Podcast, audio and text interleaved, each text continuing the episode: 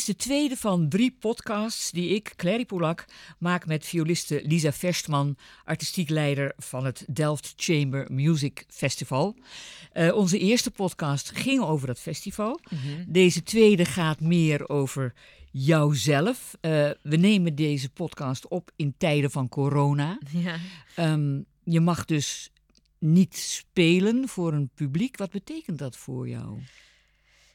Ja, het is een. Uh, nee, ondertussen, we zijn nu in juli, um, speel ik, heb ik al wel wat concertjes gespeeld voor. Dus handjevol mensen steeds. Ja, op anderhalve meter afstand. Anderhalve meter, maar tussen dus maart en juni helemaal niets. Ja, dat was uh, zeer onwerkelijk. Um, het was natuurlijk gedeelde smart, omdat de hele wereld, de, uh, sowieso de hele wereld, maar uh, de hele muzikale wereld, al mijn vrienden, al zaten ze in Australië of Nieuw-Zeeland of, of Brazilië, niemand speelde. Maar vind jij gedeelde smart halve smart? Nou, ergens wel. Het is een beetje vergelijkbaar met, zoals je wel vaker hoorde van mensen met depressieve klachten. Of uh, die zeiden van, oh, maar nu, nu heeft iedereen dat, dat ze niet naar buiten durven of niet willen en zo. Dus dat, die voelde, daar zat verlichting in voor, dat hoorde je heel veel. Dus ja, een beetje gedeelde smart ja. is het wel. Ja. Maar goed, je gaat dus van de stress van veel rondreizen. Mm. reizen. Je hebt all over the world uh, speel je eigenlijk, heb je gespeeld. Um, um, plus de organisatie van een kamermuziekfestival, ja. ook geen kattenpis.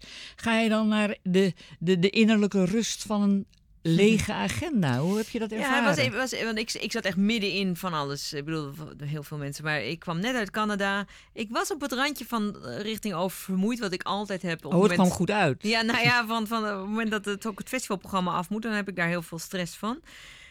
En ik moest eigenlijk door naar België voor uh, concerten daar uh, met orkest. En uh, dus e toen het even leek van, oh, dat is even een paar, paar, paar, paar dagen, een paar weken ergens stiekem dacht ik even van, oeh, oké, okay, heel vervelend. Ook financieel. Oh. Maar even die adempauze, oeh, dat is eigenlijk niet eens zo bizar slecht voor Eindelijk mij persoonlijk. meester over mijn eigen tijd. Eventjes. Nou, het was even de meester over niks moeten. Mm. uh, um, dus dat, en toen dus bleek van, oké, we gaan in ieder geval tot 12 april. En toen dat, heb ik mezelf ook gepermitteerd. Oké, tot begin april mag ik even heel rustig aan dan doen. En dat was ook even nodig, bijslapen.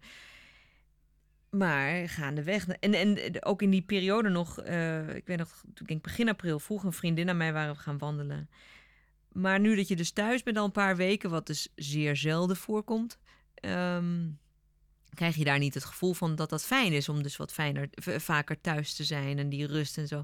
En ik weet nog dat ik reageerde met het nog voor ze de zin af had van nee, nee, nee, ik wil, ik wil spelen, ik wil reizen, ik wil. Toen ze me nou circa een maand of nog ietsje langer daarna datzelfde vroeg, of toen kwam ik er zelf bij haar op terug, zei ik van weet je, het is echt veranderd. Ja, ik voel hoe wel gezond en prettig het is om die rust te hebben gehad. Dus dat het daar zaten, kleefde op persoonlijk niveau, ze kleefde heel veel voordelen aan. Mm. Maar om niet te spelen, ik bedoel, uh, ik overdrijf niet, als het toch voor een licht existentiële crisis uh, zorgde en zorgt. Um, zeker in mijn leven specifiek. Uh, ik heb geen kinderen. Dus ik leef echt om te spelen. Um, daar haal ik heel veel uit. Uh, ik bevraag het ook wel heel veel. Maar het is wel dat, dat die uitwisseling die ik ervaar met voor publiek spelen. En dat daar dus betekenis in zit voor mensen. Dat ik mijn bestaansrecht wel een beetje uh, uh, kan verdedigen voor mezelf. Mm. Dat dat nut heeft wat ik doe. Want dat doe ik voor anderen. Hoe heb je dan de tijd gedood? ik heb heel veel gekookt. Ah. Ik kook graag. Ik eet ook heel graag. Maar ik heb puzzels gemaakt. Legpuzzels? Of, of, of, of sudoku's? Of wat? Nee, daar ben ik, zit ik op dit moment maar legpuzzels.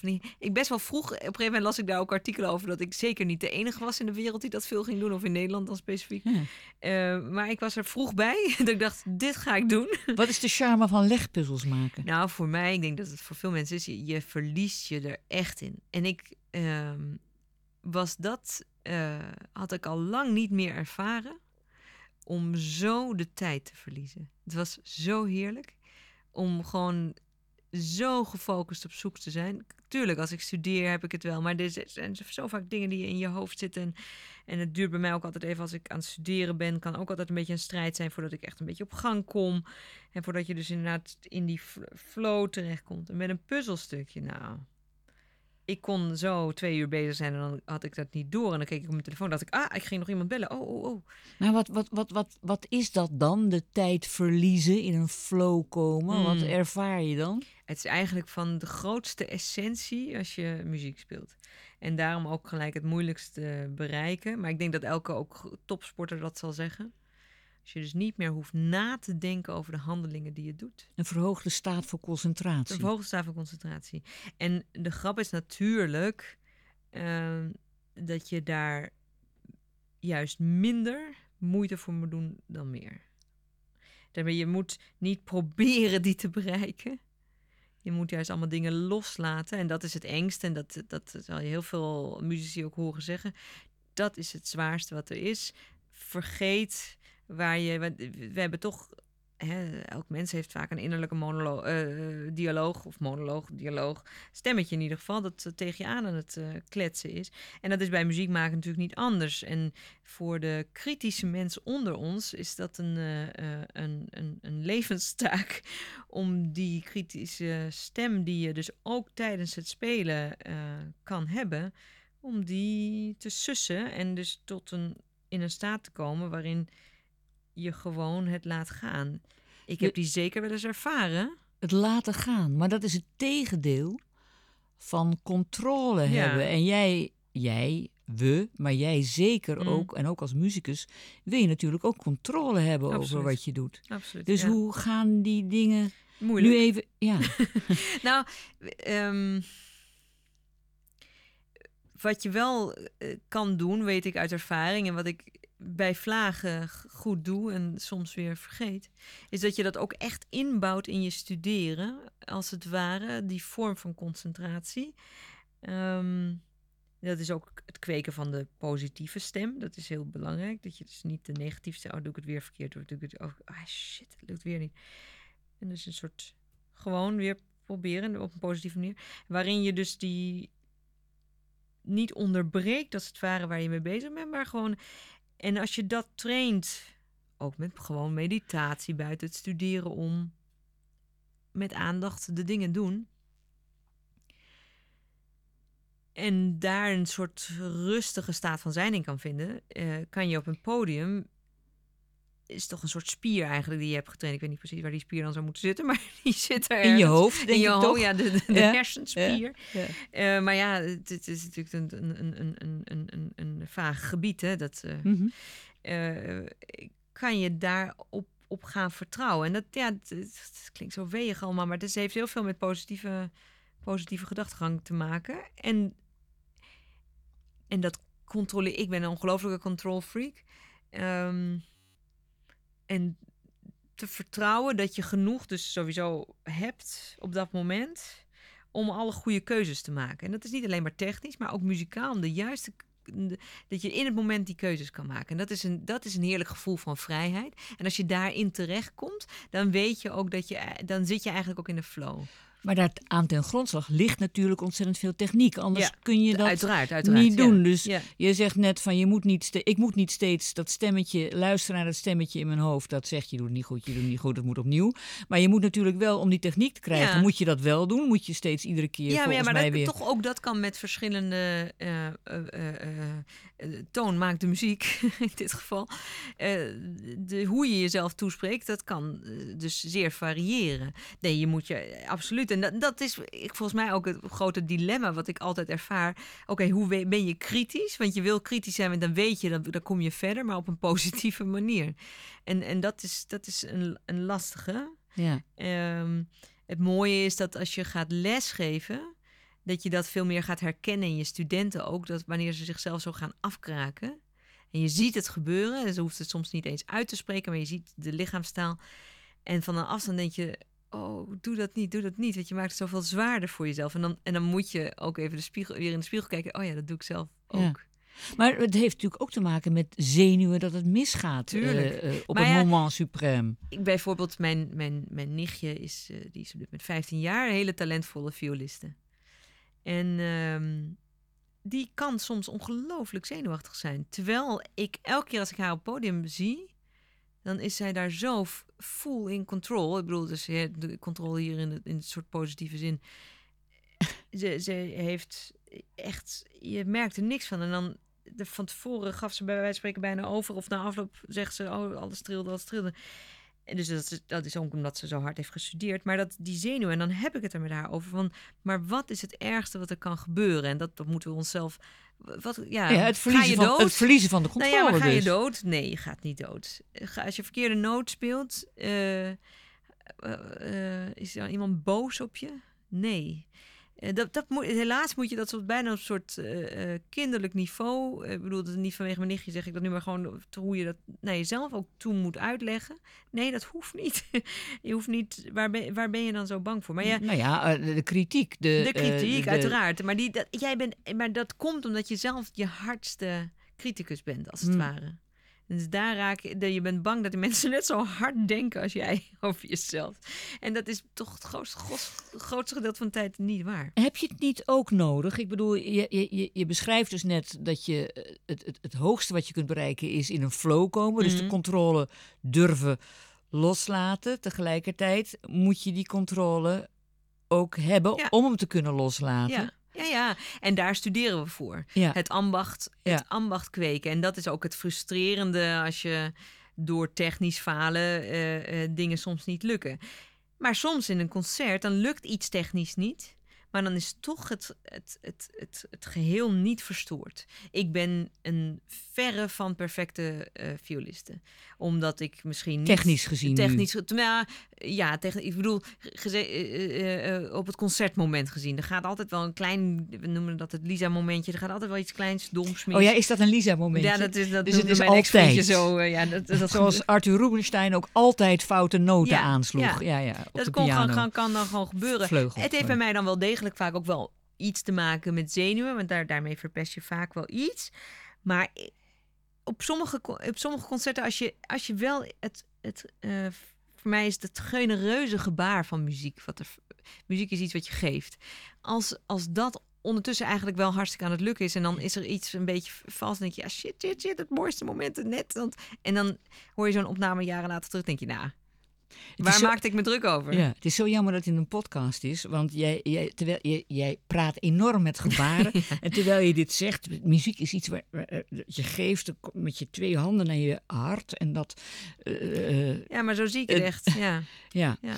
goed. Ik wou het even proberen te beschrijven. Overigens een volstrekt verkeerde beschrijving eigenlijk, maar dat u het weet. Ehm, dus het genot, het, het, het, het, het, het hoogste genot van spelen is het komen in die flow waar je het Ja. over had. En het mooie is, ehm, soms kan je achteraf eh, voel je dat je in een flow was, of, of is het, wordt, wordt natuurlijk in een herinnering kan een flow nog veel sterker terugkomen. Dan is het, muziek is ook zoiets ongrijpbaars. eh, hè? Dat is een beetje een cliché, maar dat is waar. Van alle kunstvormen is het de meest ongrijpbare, behalve dat we het dan natuurlijk vastleggen op een opname en op een plaatje. Maar toch, het is, het is lucht. Ja. Een trilling in de lucht. eh, en dan is het er geweest. En, en dus als je, als je niet een opname hebt en alleen maar die herinnering van dat gevoel van wat je dan met zeker in kamermuziek met z'n allen zo aan het maken was. En dat, en dat wordt ontvangen door een publiek. Alleen al die herinnering vaak daaraan, zo'n moment, is, is ongelooflijk. Je voelt dat, ik voel dat in de flow, zo'n herinnering. Want je voelt hoe zo'n energie er is geweest. En dat geldt natuurlijk ook, nu je dat zegt, zo van die trilling in die lucht. Dat geldt natuurlijk ook voor het publiek. Ik probeer mezelf altijd af te vragen. eh, eh, ik zeg al, deze podcast is opgenomen in tijden van corona. Dus Mhm. ook als publiek kun je niet meer naar een zaal. Dus moet je het doen met je cd's. Grote troost, allemaal fijn. En toch mist Totaal. het de, de, de, de, de sensatie van Mhm. er live bij te zijn. En Ja. wat is dat dan? Dat moet dan iets te maken hebben met die trilling in die lucht. De trilling in de lucht, energie. Want ik bedoel, gewoon er, er ontstaat een spanning. En eh, eh, ik, ik geloof ook heel, heel- Je voelt eigenlijk dat meestal pas bij stilte in muziek. Als er een pauze is, aan het eind van een stuk. Als er een. Ja, dat maar heeft ook het meeademen Tuurlijk, in de tuurlijk, muziek. tuurlijk, is tuurlijk. Maar die, die, die, die, dat is soort, dat is eh, dat meegaan, dat is vaak een beetje individueler. Hmm. Zo'n stilte hoor je plotseling collectief. Als er een aandachtsvolle eh, spanningsstilte is, dat is het mooiste wat er is. Als er, en dat, dat, dat, kan midden in een compositie zijn. Er hoeft niet eens een, een fermaat of een, echt zo'n pauze te zijn, maar gewoon dat er een rust is en je ademt naar wat er voorkomt. Als je die hoort in een en een mooie akoestiek, nou, dat is waanzinnig. Ja. En eh, nee, dat is niet na te maken eh, op een opname. Nee, Ik bedoel, ook niet op een live-opname, gek Nee, genoeg. nee, Hoe want komt je- dat dan? Omdat je er... Je, oh, dat klinkt ook weer zo... Je, je moet erbij zijn, hè? Je, je moet er zijn geweest. Ja. Eh, het, eh, ehm, Nou, het is die trilling in de lucht. Dat moet Daar het komt, zijn. eh, dat moet, dat moet Ja. het zijn. dat moet het Eh, zijn. Ehm, moet je er veel voor doen? Ja, uiteraard. Je moet er heel veel Het voor studeren. spelen? Ja, nou ja, nou ja om, om, om in, überhaupt ooit op het podium in Ja. zo'n staat te kunnen komen. in die staat te kunnen komen. Ja, en... ehm eh, ik ben al repeteren, repeteren. Ze, ja, ze repeteren, studeren, studeren, vooral studeren. Repeteren vaak Ja. ook. Ehm, Ja, dat is wat anders. Hè? Studeren is natuurlijk heel iets anders dan studeren is repeteren. in je eentje. Ik bedoel studeren. ja, Ja, studeren in je Ja. eentje. Repeteren is met, met, met anderen. ja. Ehm, maar je repeteert, je herhaalt. Hè? Dat is natuurlijk wel het fenomeen. Ja. Ehm, eh, eh, strijkinstrumenten, ja, je moet vroeg beginnen. Want het, het, het, het, niet, er niet ergonomisch verantwoord zo'n viool, hè, bij wijze van spreken. En dan moet je toch zo natuurlijk mogelijk eh, Je lichaam maken. moet er een beetje naar gaan staan. moet een beetje naar gaan staan. Hoe, hoe vroeg ben jij begonnen? Ik was vijf, bijna zes, volgens mij zoiets was het. Ehm, maar ik kom natuurlijk uit een muzikaal gezin. Ja, jouw- eh, jouw- jouw- paplepel. Jouw vader is cellist, jouw moeder is pianist. Precies, ja. En mijn zusje speelde in die tijd ook nog piano. Dus het was, eh, het was één grote sandwich in huis van... Maar maakt er niet uit waar je was, je zat er middenin. Ehm, dus dat is natuurlijk extreem vormend. Ehm, ik, ik ben... Ik heb geen natuurlijke aanleg voor discipline, laten we het zo zeggen. Wat sympathiek. ja. Dus, eh, dus een soort. eh, dus ik ben ook niet motorisch heel getalenteerd. Ik kan bijvoorbeeld totaal niet pa- danspasjes leren of iets met zo'n aerobics klasje met links, rechts, eh, benen. zus, Maar vingervlug, dat kan niet anders. Nou, nee, ook niet van nature. Dus het is een soort wereldwonder, zeg ik altijd maar, dat het toch een soort ergens gekomen is met die viool. Want het is inderdaad. Ik, ik heb geen natuurlijke fysieke aanleg. Ehm, door de osmosis van mijn eh, eh, omgeving eh, kweek je natuurlijk wel een ander soort aanleg. En ik heb natuurlijk wel degelijk op een gegeven moment wel veel gestudeerd. En daar kom je, ik heb goede leraren gehad, daar kom je wel verder mee. Ja, maar goed, ik- ik wou eigenlijk later in het gesprek een, een, een, een, uit het boek van een, van een vriend van mij eh, citeren, eh, Philip Blom, die historicus is, Mhm. maar die een boek heeft geschreven, Een Italiaanse reis, waarin hij op zoek gaat naar de geschiedenis van zijn viool. Hij is een amateurviolist.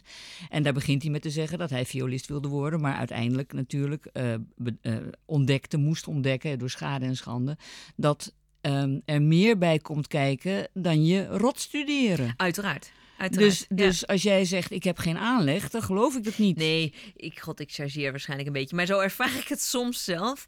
Ehm, eh, maar dus de, wat er bij mij dus meer bij kwam kijken, dus eh, is die omgeving.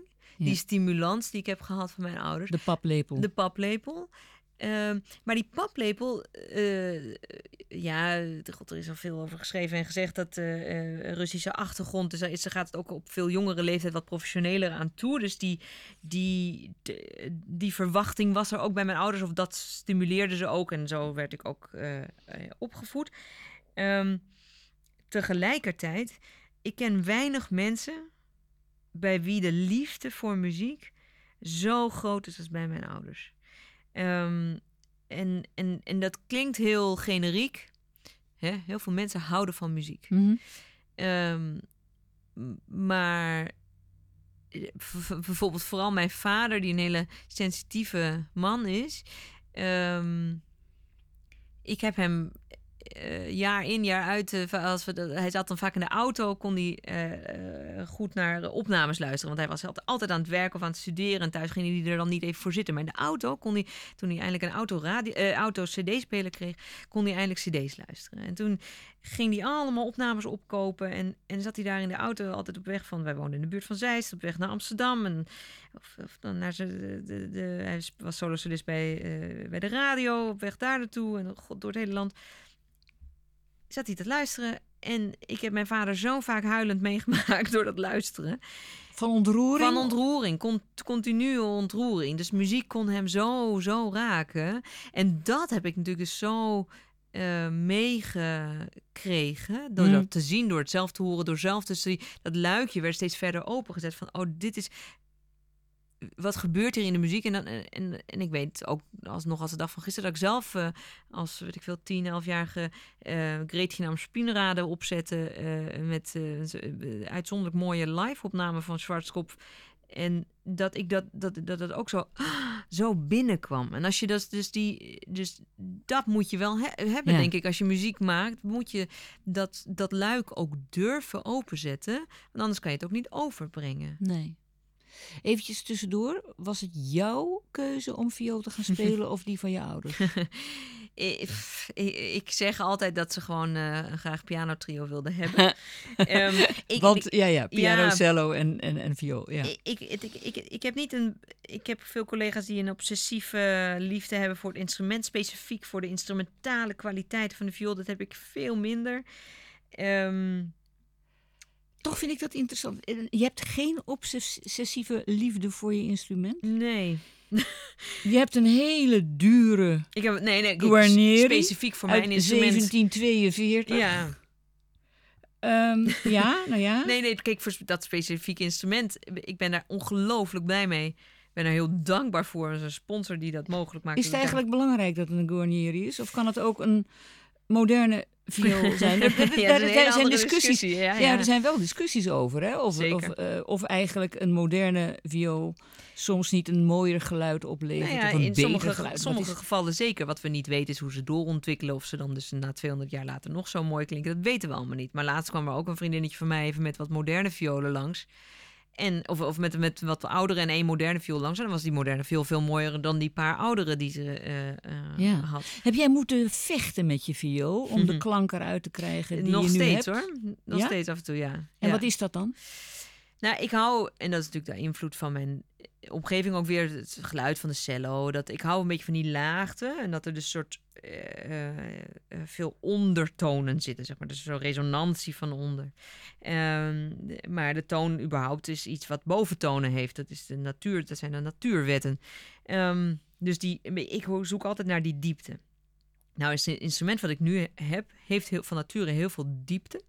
Maar het is ook een ongelooflijk krachtig instrument. Want eh, eh, zelfs als ik denk dat ik het meest zachte aan het spelen ben, dan hoor ik een amateuropname, dus, dus van, een, van mijn eigen telefoon bij wijze van spreken, die achter in de zaal lag. Dus niet een microfoon die recht erop bovenop stond. Dan hoor ik nog die viool er soms overheen tetteren. en eh, soms vind ik dat in kamermuziek bijvoorbeeld een beetje frustrerend. Dus je hebt moeite om hem te breidelen, als Ja. het. Ik ben nu bijvoorbeeld ook weer aan het experimenteren met andere snaren, dat, dat het wat milder wordt. Want anders heb ik het gevoel dat ik in kamermuziek me steeds een beetje moet inhouden. Dat ik daar niet als een soort eh, haantje de voorste de hele tijd maar eh, luid aan het iedereen overstemmen ben. Ja. Dus de- goed, we hadden het erover wat je al moet doen en laten. Mhm. Eh, Dus dit, dit is ook een kwestie, neem ik aan, van wat je bij het, bij het studeren ook steeds. eh, dat je- waarmee je experimenteert, of niet? Ja, absoluut. Eh, je- wordt wijzer uit het horen van je eigen opnames. Dan denk je, oh ja, ik dacht dat ik dit deed en dit, dit komt eruit. Dat is niet helemaal de bedoeling. Hoe zorg ik dat ik anders word? Ehm, maar je bent natuurlijk ook continu aan het schaven. Je bent, het zijn meerdere processen. Je bent con- continu aan je techniek aan het schaven. Ja. Ik had bijvoorbeeld een weekje vakantie. Dan moet ik weer even er goed inkomen. Weer, dan merk je, dat, dan kan ik niet na één dag een concert spelen. Je Dat is- neemt niet je viool mee op vakantie. Nee, die vakantie heb ik. eh, Nou, dat was vijf dagen was het vakantie. En toen ging ik nog een paar dagen naar mijn zus, waar mijn nichtje dus was. En die had wel haar viool bij zich, ik niet. En eh, op een gegeven moment werd ik een beetje, ging zij studeren en dan merkte ik dat ik daar een beetje zenuwachtig van werd. Dus op een gegeven moment toen zij stopte met studeren, klopte ik op haar deur en zei, mag ik even? Mag ik hem even vasthouden? Ja. Mag Ja. ik? En dus ben ik een klein beetje gaan studeren. Eh, maar ik gunde mezelf ook die week even vrij. Ja. Dat is ook prima. Eh, maar zeker als ik haar hoorde spelen en ze had een, een mooie, voor, niet een nieuwe, maar voor haar nieuwe viool. En die wilde ik ook even graag bespelen. En dan, dan jeukt het ontzettend. Ja. Ja. Kun, kun jij goed naar jezelf luisteren? Het terugluisteren. Je had het net over het belang van terugluisteren. Kun je dat goed? Vind je dat prettig? Eh, ik denk in mijn eh, onnoemelijke kritische eh, blikveld dat ik heel objectief naar mezelf kan luisteren. Wat natuurlijk totale onzin is. Maar ik zeg dat omdat ik soms wel meen te horen als het goed is. En, maar het grootste gedeelte van de tijd is het niet goed. Dus dat is heel deprimerend. dus dan zal het hopelijk toch ook wel een beetje aan die kritische blik liggen. En wat is goed? Ja, is dat dan, ja, ja. nou niet technisch goed zeg je net, want dat maakt eigenlijk dan niet zoveel Nou, uit. dat maakt ook uit. ook uit, maar niet alleen maar. zeker uit, dus dan hebben we het over interpretatie. Ja, ja, ja. En, en ben je dan altijd op zoek naar de ultieme interpretatie? Ja. En, en dat is, dan komen we terug bij het eerste onderwerp van de flow. Ehm, nog steeds is dat een, een, een, een, een- een valkuil, merk ik van mezelf. Dat je inderdaad dus op, zo op zoek bent naar die ultieme eh, interpretatie en het zo in je hoofd hebt. Dat je dus soms bij concerten dus niet toelaat dat er iets, iets anders kan gebeuren. Waardoor je die vrijheid niet opzoekt van, van het moment. Waar, en je, voor je gevoel ben je wel degelijk in het moment iets aan het doen. Maar je bent ook dus aan het reiken naar... ik heb deze boog voor ogen en daarvoor moet ik nu dit doen of moet nu dit gebeuren. En, en daar zit ergens een beperking in. Soms kan het dus werken, maar dan moeten alle eh, aspecten totaal eh, dezelfde kant... Al, alle spelers moeten dan precies dat wat jij had bedacht. Maar ik ben geen dirigent, dus- Heb, je, heb je het ooit bereikt? Nee. Maar eh, in, op momenten. Er zijn momenten. En dan kun je die ook terug horen. En je denkt, ah, daar gebeurde iets. Kunnen we naar iets gaan luisteren waarbij je het idee hebt dat je er heel dichtbij was? Oh jeetje. Ik, moet dan denken aan... eh, omdat ik natuurlijk dus vanwege deze gesprekken een beetje dook in het eh, archief van de opnames. En ik was aan het luisteren naar eh Tchaikovsky, ehm, Souvenir de Florence, het strijksextet. Dat deden we in mijn eh, ehm, tweede jaar van het festival. En dat was al zoveel ontspannender allemaal dan het eerste jaar. En ik had een fijne club vrienden om me heen. En luisterend naar die opname hoorde ik, ja, daar, daar eh, zit ik zelf in een ontspannendere flow. Belangrijk. En daar was dus ruimte. En bijvoorbeeld het begin van het langzame deel. eh, Je hoort hoe we samen ademen. Dit ad hoc groepje, dat het ons lukt om zo samen te ademen. Dus dat je zo samen in die beweging zit. En dat is mooi.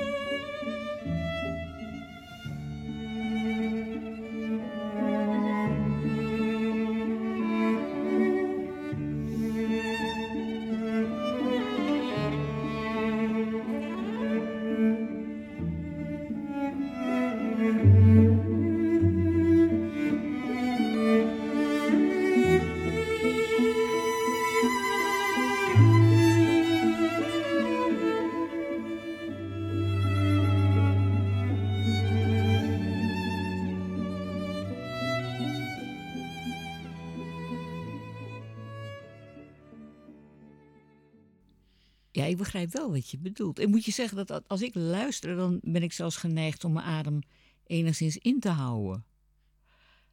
Ja, op Eh, momenten misschien. Ja, Ja, ja, op momenten. Nou ja, omdat het inderdaad een, een, het grappige. We hadden het straks over trilling en, en de Mm. sensatie van live. En, maar dat heb ik hier wel overigens toch. Ja, je hoort natuurlijk ook af en toe wat mensen kuchen. Maar ik, Ja. ik voel ook inderdaad hoe... Want er gebeurt natuurlijk iets voor muzici op het moment dat ze op een podium... Wij kunnen mooie momenten beleven als we samen repeteren. Daar kan je ook vol van genieten. Ik geniet extreem van een repeteerproces sowieso. Al helemaal met strijkers, heerlijk, dat geluid samen. Maar er gebeurt natuurlijk toch iets op een podium dat verhoogde. Ja. Dus oké, spanning, ja. Maar ook dat je Nou, een verhoogd bewustzijn. verhoogd bewustzijn. Want je bent inderdaad nog meer aan het ja, brengen. Je bent je dat verhaal aan het vertellen naar mensen toe. En dan wil je ook heel graag dat ze horen hoe extreem mooi iets is. En dus je gaat extra je best doen. En bij dat best doen, daar zit dus een problematisch gegeven. Dan moet je dus niet te veel doen. En als je daar de ideale balans in hebt, als je dus een. Want ik had hier een, een, een, een, een warm bad van geweldige medemuzici om mij heen. Waar ik me heel prettig ook bij voelde. Waar ik me heel vertrouwd bij voelde. Niet het gevoel dat ik iets moest bewijzen. Wat misschien in het eerste jaar van, van, van mijn eh, artistiek leiderschap nog iets vaker het geval Ja, was. want dit was het tweede jaar. Hè? Dit, Dit was was het tweede jaar. 2008. Ja. Precies. En, ehm, en dit, dit waren al, eh, alle dr- eh, drie leden van het Fauré Piano Quartet, ehm, de strijkers. En Benjamin Marquise Gilmore en Anne Gastinel, die je nu zo prachtig de cello, solo hoort spelen. En ik weet nog hoe, ja, hoe, hoe we genoten. Ik kan dat nu, dus twaalf jaar geleden, ik kan dat nog zo terughalen, dat gevoel. En- Maar dat is jouw persoonlijke gevoel. Terwijl ik ben de, eh, het publiek. Mm. En ik krijg daar wel iets mee. Ik had gek genoeg een, een, eenzelfde soort ervaring, denk ik. Ja, het is niet te vergelijken, maar ik natuurlijk ook een en ander ben gaan luisteren in de voorbereiding van dit gesprek, net Mhm. als jij. En ik stuitte op eh, een concert dat jullie in het Kamer eh, eh, Muziekfestival gaven in 2013. Mhm. Althans, dat jij hebt gegeven met het Hilliard Ensemble. Mhm. Ehm, was dat de Bach Chaconne? Dat is de Bach in een eh, eh, hele bijzondere versie. Dus met Hilliard. ehm het is een Duitse muzikologe. Die heeft dus uitgevonden met soort aanwijzingen van Bach. Bij wijze van spreken zelf. Zo heeft ze dat in ieder geval eh, haar theorie bewezen. Dat je dus koralen van Bach zelf. Die allemaal over de dood gaan. bovenop die chaconne kan zetten. Dus dan kan je het met een vijfstemmig koraal uitgevoerd. Die hele chaconne, dat is magisch. Dat deden we in de oude kerk. Ik was diep onder de indruk toen. Nee, want het is, ook, het is ook absoluut spectaculair. Nou, laten we dat eerst even gaan Nou, luisteren. ja, maar Eh, spectaculair zeg ik over gewoon de inhoud van de muziek. Want Ja, ik vind zelf, als ik zelf... Nee, nou, we gaan ja, nog even niet zeggen wat je zelf vindt. Laten we eerst gaan luisteren.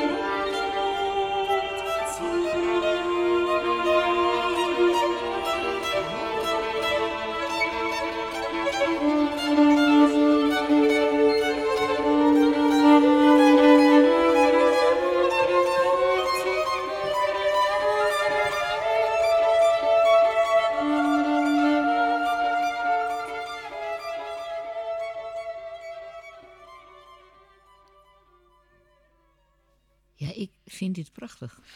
Wat is hier mis mee? Nee, ja. je, zit heel, je zit heel kritisch naar jezelf te luisteren. Nee, we- kwamen ook in, in een van de. Dat is, dit is natuurlijk heel bijzonder dat, dat, dat eh, met, met die zang erbovenop. Een stuk wat eigenlijk voor veel solo is.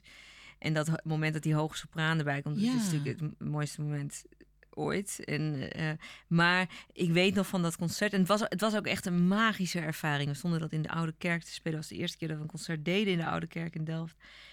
En... ehm, maar ik, moest ook. eh, eh, eh, zij waren natuurlijk. Ja, de zangers ademen. Dat is natuurlijk echt ademend. Als wij als strijkers ademen, dan kunnen we dus, eindeloos dat doen. Een zanger moet natuurlijk fysiek ademhalen. En ehm, zij waren iets ander tempo gewend dan ik het speelde. Dus ik had op een gegeven moment heel erg het gevoel van shit, ik moet, ehm, ik moet zorgen dat ik dus hen niet in de weg zit, bij wijze van spreken. Mijn tempo moet wel het juiste tempo zijn. En ehm, eh, dus eh, er zijn een paar momenten, ik- er, er op het eind van het fragment hoor je mezelf ook, dat ik het gevoel van ik moet niet te langzaam zijn, ik moet niet te langzaam zijn, ik moet niet te langzaam zijn. Je voelt je gehaast. ik voel me dan een beetje, eh, tenminste, en dat was uiteindelijk helemaal niet nodig, maar ik dacht dat het nodig was voor hen en dan ga ik dat dus zelf zo invullen. Maar ik hoor het niet. Jij hoort dat. ik precies. hoor dat Nee, niet. dat is natuurlijk mijn eigen denkproces wat ik dan vooral ook hoor terugkomen. En ehm, eh, dus de- zo blijven, zo heb je die innerlijke dialoog en ook, ook na afloop. Maar ik moet zelf zeggen, als ik dan opname zeven jaar later dus terughoor, dan denk ik ook, wauw, wat, wat, dat, dat, we dit gedaan hebben. Dat is toch ja, wel dat heel nadert toch ook wel weer de perfectie, of niet? Nou, Nou, dat nee. vind ik wel Oh, weer een hele uitspraak dan. Nee, nou, geen ja, perfectie, oké. Ah, goed, weet je, we laten, het, we laten het voor wat het is. Eh, Ik heb ervan genoten in elk geval. Deze twee eh, fragmenten die we hebben laten horen, Mhm. die komen natuurlijk van je eigen festival. Mhm.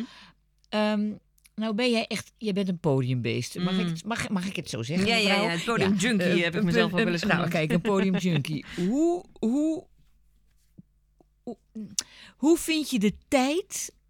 Hoe kom je er überhaupt bij om daarnaast nog een festival te organiseren? We hebben het natuurlijk in de eerste eh, podcast al over gehad, eh, wat je drijft. En, Mm. Maar als je nou zo bezig bent met die muziek en om het zelf te maken, om nou inderdaad als een podiumjunkie, leidt het niet eens ontzettend af? Moet je niet eigenlijk heel monomaan met dat spelen bezig zijn? Eh, het simpele antwoord ja.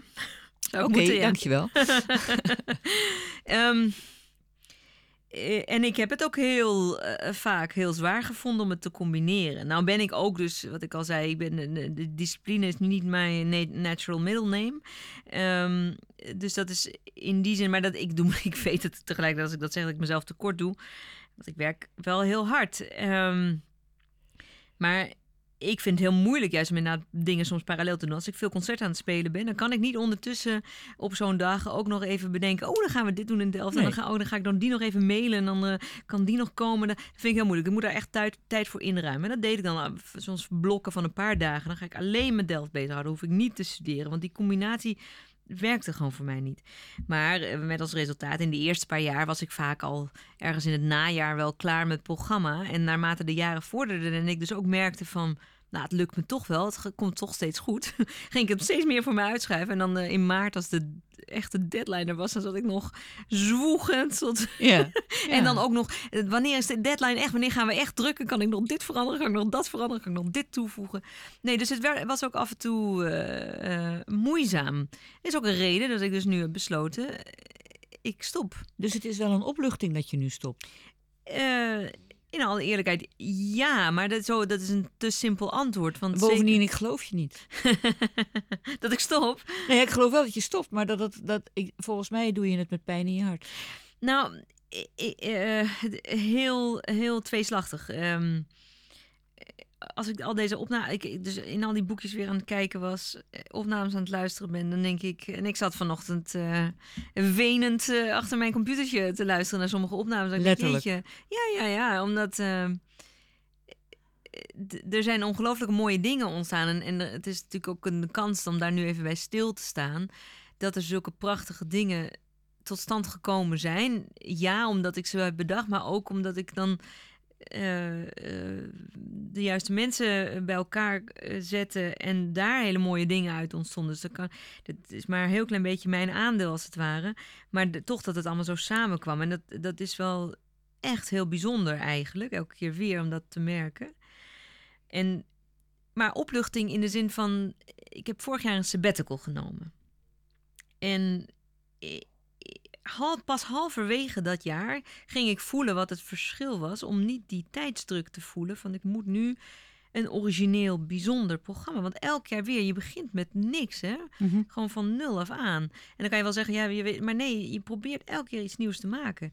En ehm, toen ik voor het eerst dus na jaren voelde hoe dat was om die druk niet te voelen. En ondertussen had ik veel concerten en ik voelde het verschil hoe ik, hoe ik me voelde. Ik voelde me mentaal en fysiek zoveel beter. Dat ik dacht, ja, jeetje. Dat, misschien mag ik mezelf dat gunnen om nu terugkeren naar de eerste podcast, om slechts violiste te zijn weer. Alleen maar daarmee bezig te houden. Misschien mag dat nu. Uh, want ik ben eigenlijk elk jaar er ook mee bezig geweest om te bewijzen, ook aan mezelf, dat ik, dat ik het kon. Dat ik het kon, ook, dat ik ook juist ook die combinatie kon. Als ik het nou voor elkaar krijg om wat georganiseerder te zijn, dacht ik elk jaar, dan gaat het makkelijker worden. Maar het werd nooit makkelijker, want ik ben wie ik ben.